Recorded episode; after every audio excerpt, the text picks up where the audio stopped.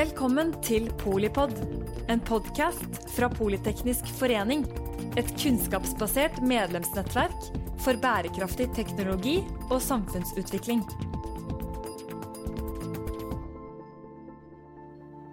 Velkommen direkte inne fra Arendalsuka i en eh, felles podkast fra Løren og Politeknisk eh, forening.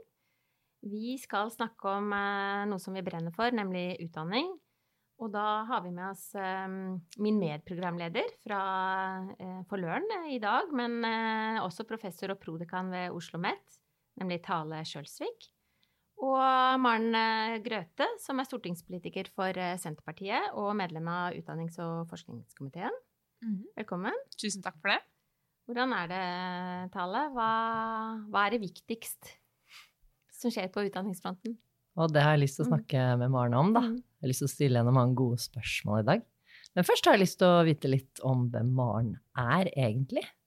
Eh, Og da vet jeg at du liker å møte folk, stemmer det? Ja, jeg tror du må det i det yrket mitt, egentlig. Eh, og jeg syns jo det er veldig givende.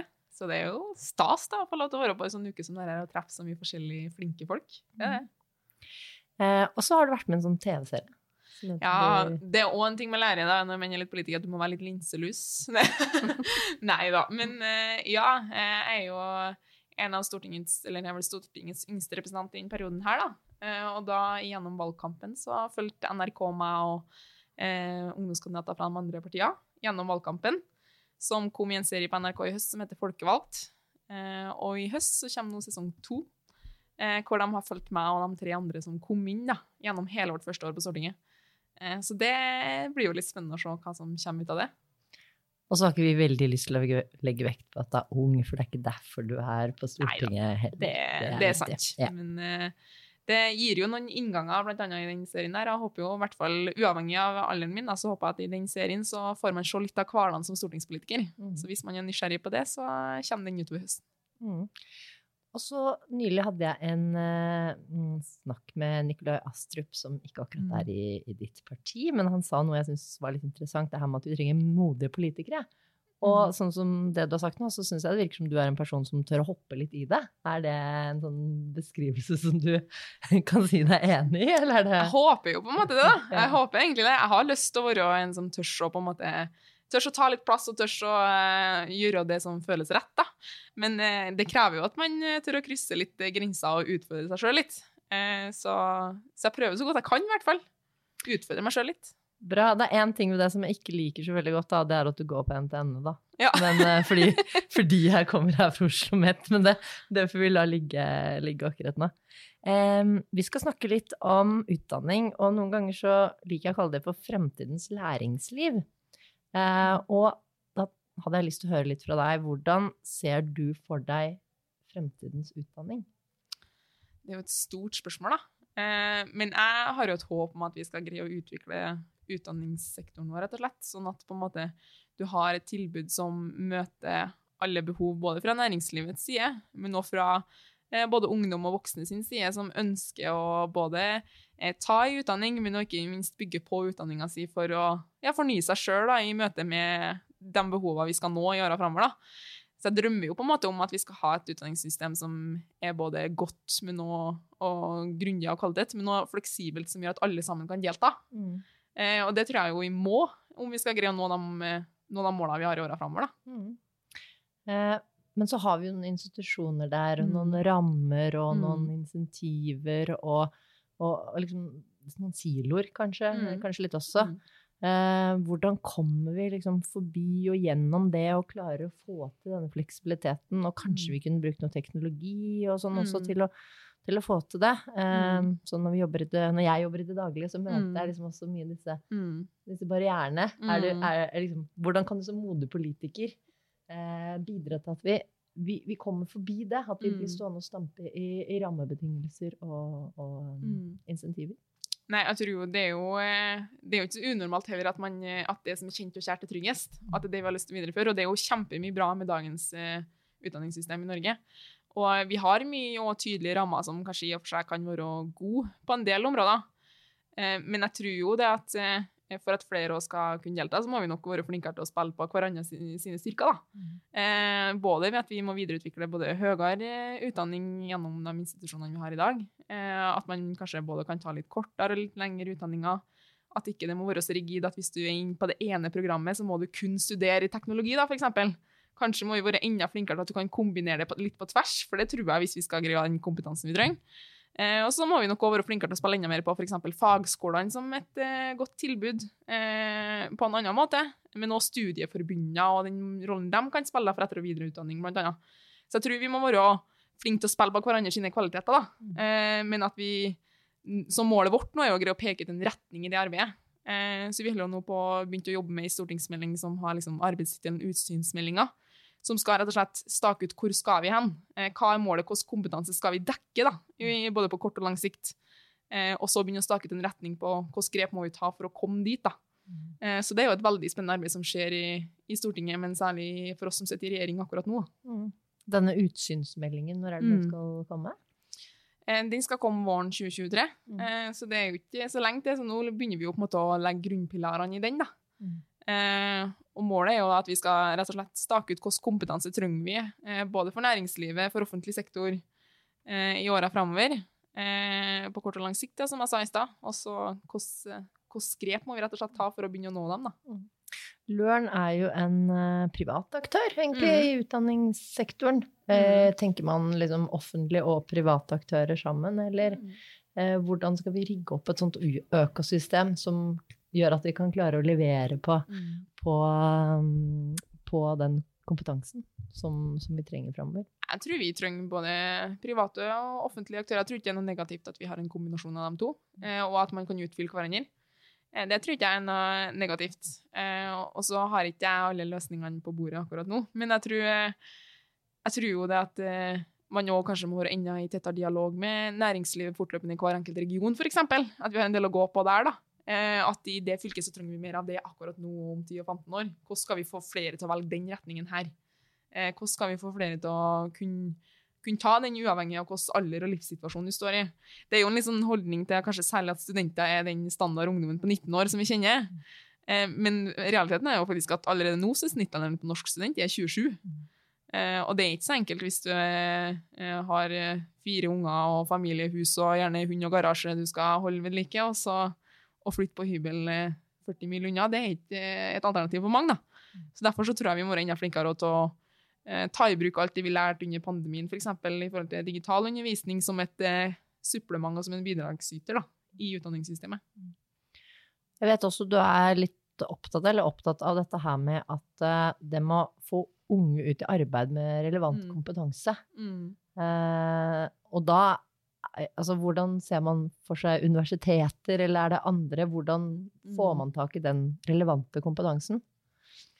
Her tror jeg vi også må rett og slett jobbe litt sammen for å finne ut eh, hvordan vi kan gjøre det. Men det snakkes jo mye om og, eh, eller arbeidslivsrelevans og i høyere utdanning. Eh, og det skjer eh, kjempemye bra der. Men jeg tror vi må, må Og der tror jeg kanskje høyere utdanning eh, eh, At vi kan jobbe litt mer med det, da. Og i forhold til ut i praksis mer gjennom utdanninga. For på en måte når jeg studerer min grad i statsvitenskap, så syns jeg jo det jeg gjør der, er kjempespennende. Men jeg merker jo det at eh, det at jeg har vært politiker på sida, har så mye å si for at jeg greier å gjøre det bra på skolen og greier å forstå hva jeg holder på med. Eh, Men det er jo ikke alle sammen som er politikere på sida av at de studerer statsvitenskap. Hvordan kan vi enda, være enda flinkere til at man får oppleve ting mens man studerer, da, som gjør at du føler deg mer klar til å møte arbeidslivet når du er ferdig? Her tror jeg vi har mye å gå på. Der det er nok samarbeid med næringslivet i forhold til internships og hele den pakka her kjempenødvendig, og der må vi jo spille på lag da, for at det skal gå. Eh, du er egentlig i praksis nå, er det det du sier? Ja, jeg kan jo si det. da. Eh, Akkurat nå har jeg håp om at jeg blir ferdig med de studiene en gang, men vi får se. Før så har man jo egentlig tenkt litt sånn kompetanseplanlegging ved at man sier at vi skal utdanne så og så mange sykepleiere, for da får vi den kompetansen. Altså Mm. mer sånn avsenderorientert. Så det er jo litt Altså da kan man tenke at hvis vi hadde tenkt veldig mye bærekraftskompetanse, kanskje vi hadde Mm. fått et bære, ar, bærekraftig arbeidsliv fordi vi utdanner Mm. den kompetansen. Så det er noe med Mm. Eh, hvordan tenker du, Man kan tenke veldig etterspørselsdrevet, Mm. eller så kan man også tenke liksom, Mm. tilbudsdrevet. Mm. Hvis man jobbe med Mm. kompetanse. Sånn tenker vi jo Mm. litt i forskning også, ikke sant? At man jobber opp kompetanseområder, og så ser vi etterpå at det plutselig får stor relevans.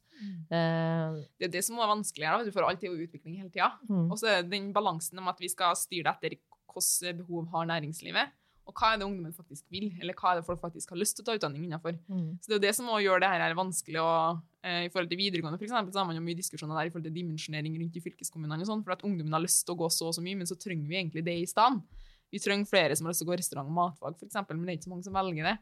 Eh, så det er jo på en måte det at vi må greie å få til en kombinasjon av at vi dimensjonerer utdanningssystemet vårt, men òg at vi rett og slett må styre må prøve å styre folk til å ha lyst til å dra i den retningen. da. Og det at vi greier å jobbe opp noen litt sånn mekanismer som og gjør at vi er mer fleksible i at vi endrer Kanskje nå kan vi ta opp litt flere plasser der, litt mer der, eller her kan vi kombinere litt for å møte den kompetansen.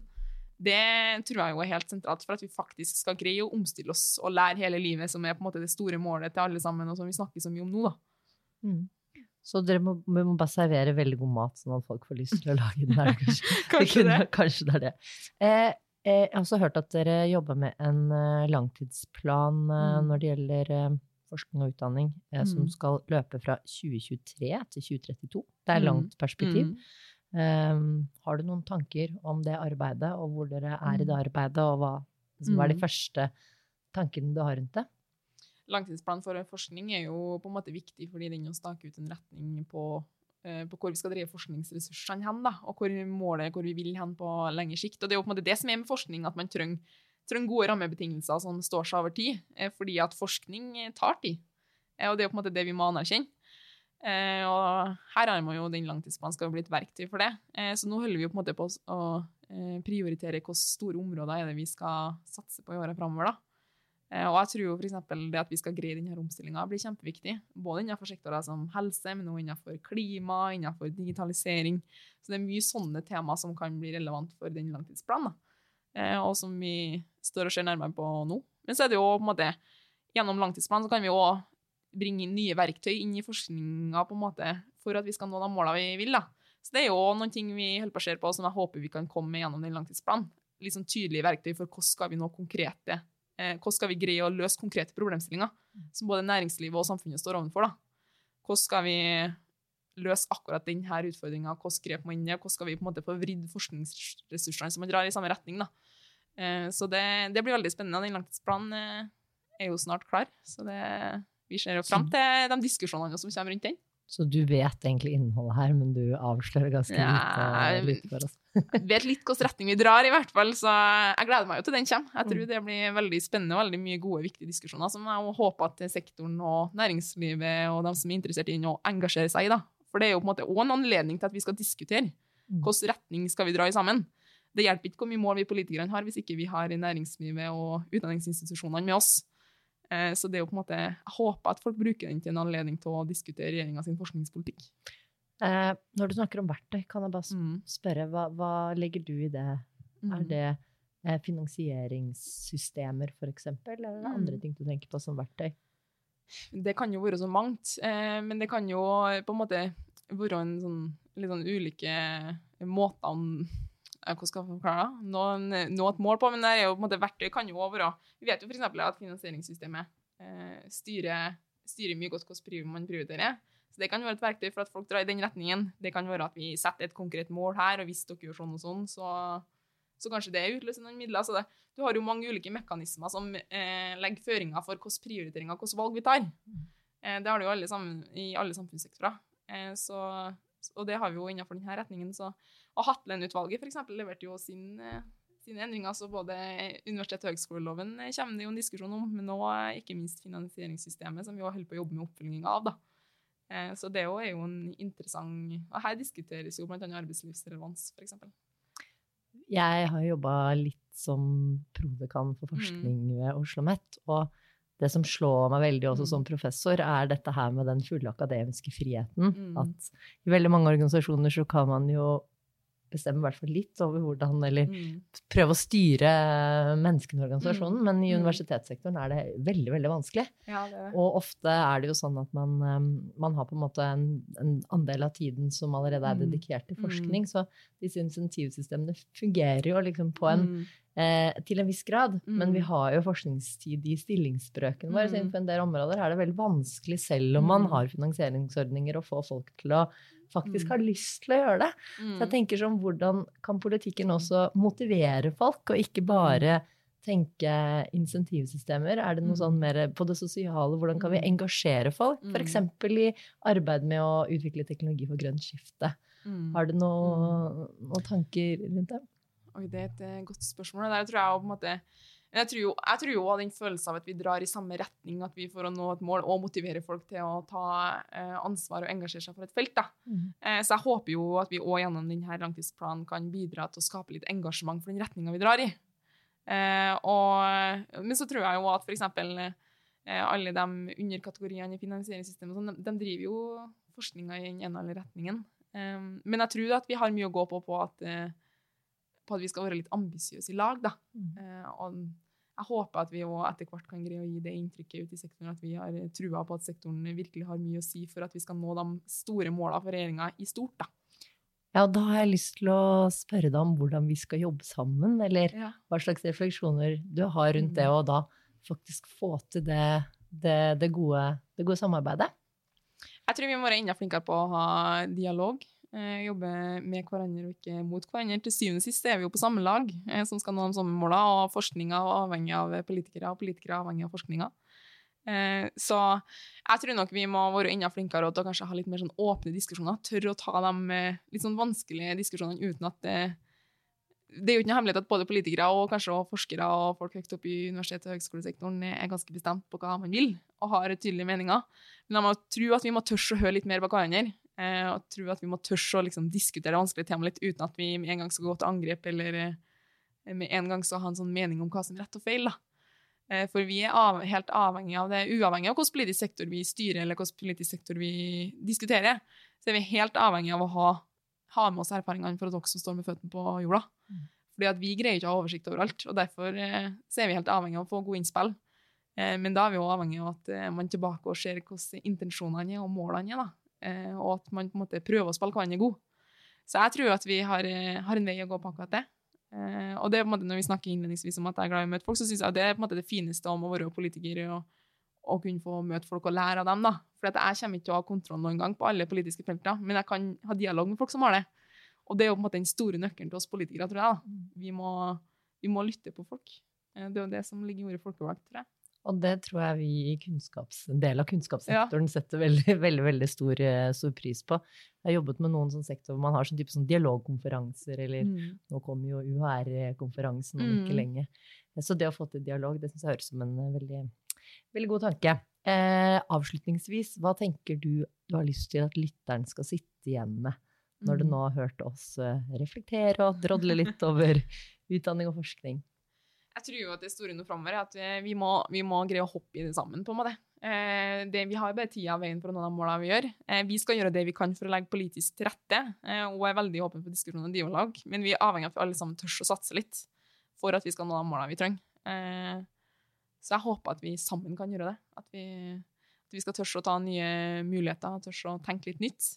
Og selv om det kan kjennes vondt noen gang, som Senterpartiets hjerte, så eh, vet vi alle det, at vi har syns det er litt vondt noen gang å tenke litt nytt. Men eh, det er vi helt avhengig av i denne sektoren, og det må vi gjøre sammen. Det tror jeg i hvert fall at vi kan være helt eh, enige om.